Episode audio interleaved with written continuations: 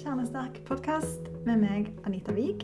Eh, I denne podkasten snakker jeg om kvinnehelse og om hyperpressiv trening. Men i dag skal denne episoden handle om melkeproteinallergi. Hos barn da. Veldig mange opplever at babyen får denne diagnosen, og det kan være til ganske stor frustrasjon. Eh, det er vanskelig å ha en baby med allergi. Det krever mye mer av deg som mor. Eh, og det er en jungel der ute for å finne ut hva du skal og ikke skal gjøre. Når jeg starta for meg sjøl, eh, starta Instagram-kontoen min, da var fokuset melkeproteinallergi.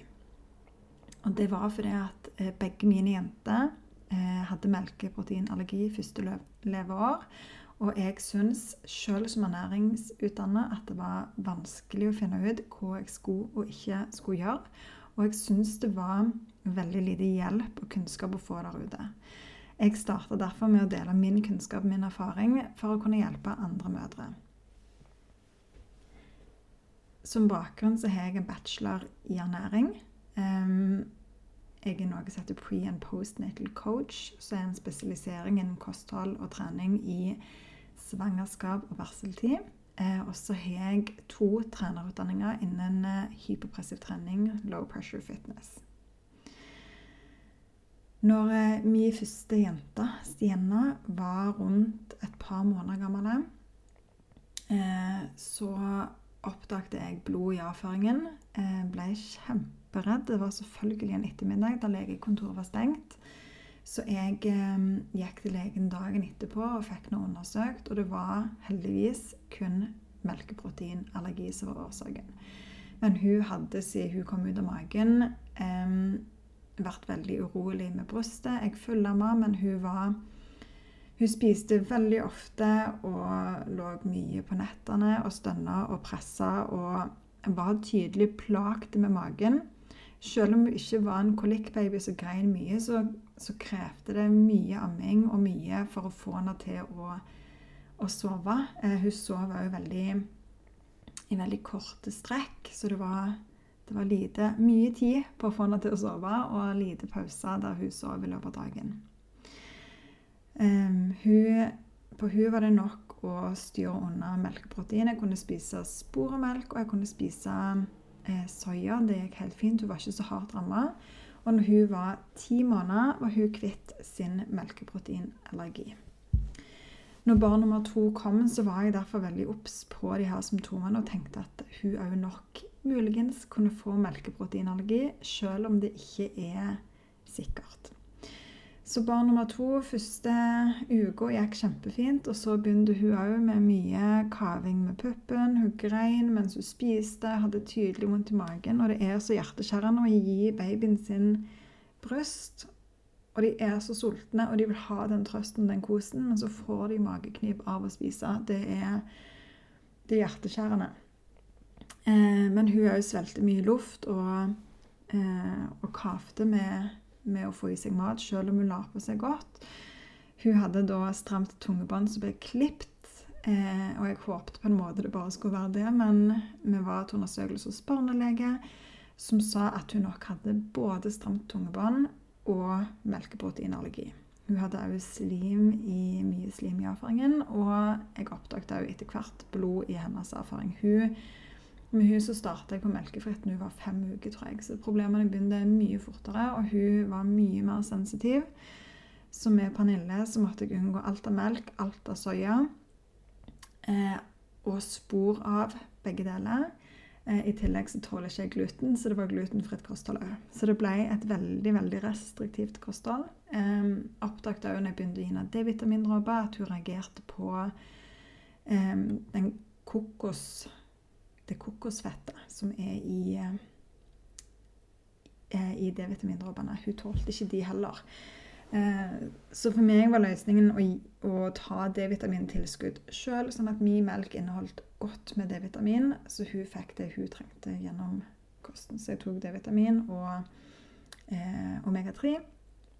Eh, og så er det jo viktig, hvis du nå har mistenker at babyen din har melkeproteinallergi, eller du har fått det påvist, um, så er det viktig å ta jodtilskudd og kalsiumtilskudd.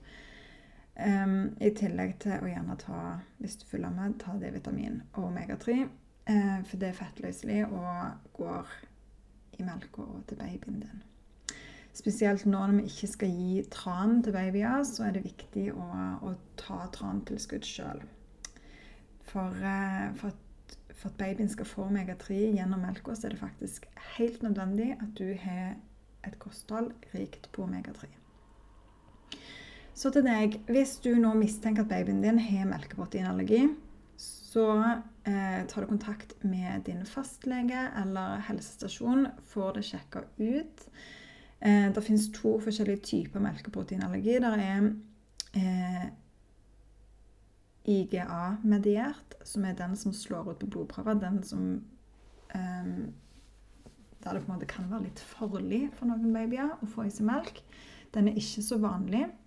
Og så er det ikke IGA-mediert melkeproteinallergi, som er den mest vanlige. Den er òg veldig plagsom. Det gir magesmerter og kan gi utslett, men det er ikke farlig.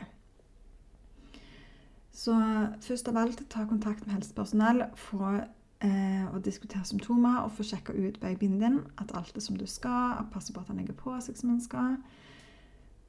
Og hvis du da skal begynne med melkeprotein, så anbefaler jeg å kutte ut alt av melk og alt av soya og spor av de første ukene.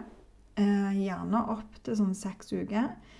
Eh, når du merker at symptomene er vekke, eh, gi det to uker til i hvert fall, og så kan du teste litt melkeprotein. Eh, og se om du får en reaksjon. Så da tester du om plagene babyen din hadde skyldtes melkeallergi, eller om, om det var på en måte forbedringen som kom, var tilfeldig. Sånn, så det du gjør, du kutter vekk. Kutter det som kan trigge, og så ser du blir babyen din bedre. Hvis ja, så spiser du melk. Og så ser du da blir han babyen verre. Ja, da har du på en måte fått bekreftet at det er melkeproteinallergi.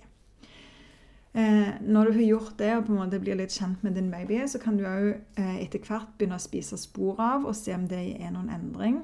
Eh, de aller fleste babyer tåler spor av. Det er ikke alle som er så sensitive som Pernille var. Så sjekk at du tåler om babyen din tåler spor av. Eh, hvis babyen din tåler det, så kan du ta og prøve å spise soya og se om det går fint. Og hvis babyen din tåler det, så er du kun melkeproteiner igjen å holde deg til. Holde deg vekk ifra.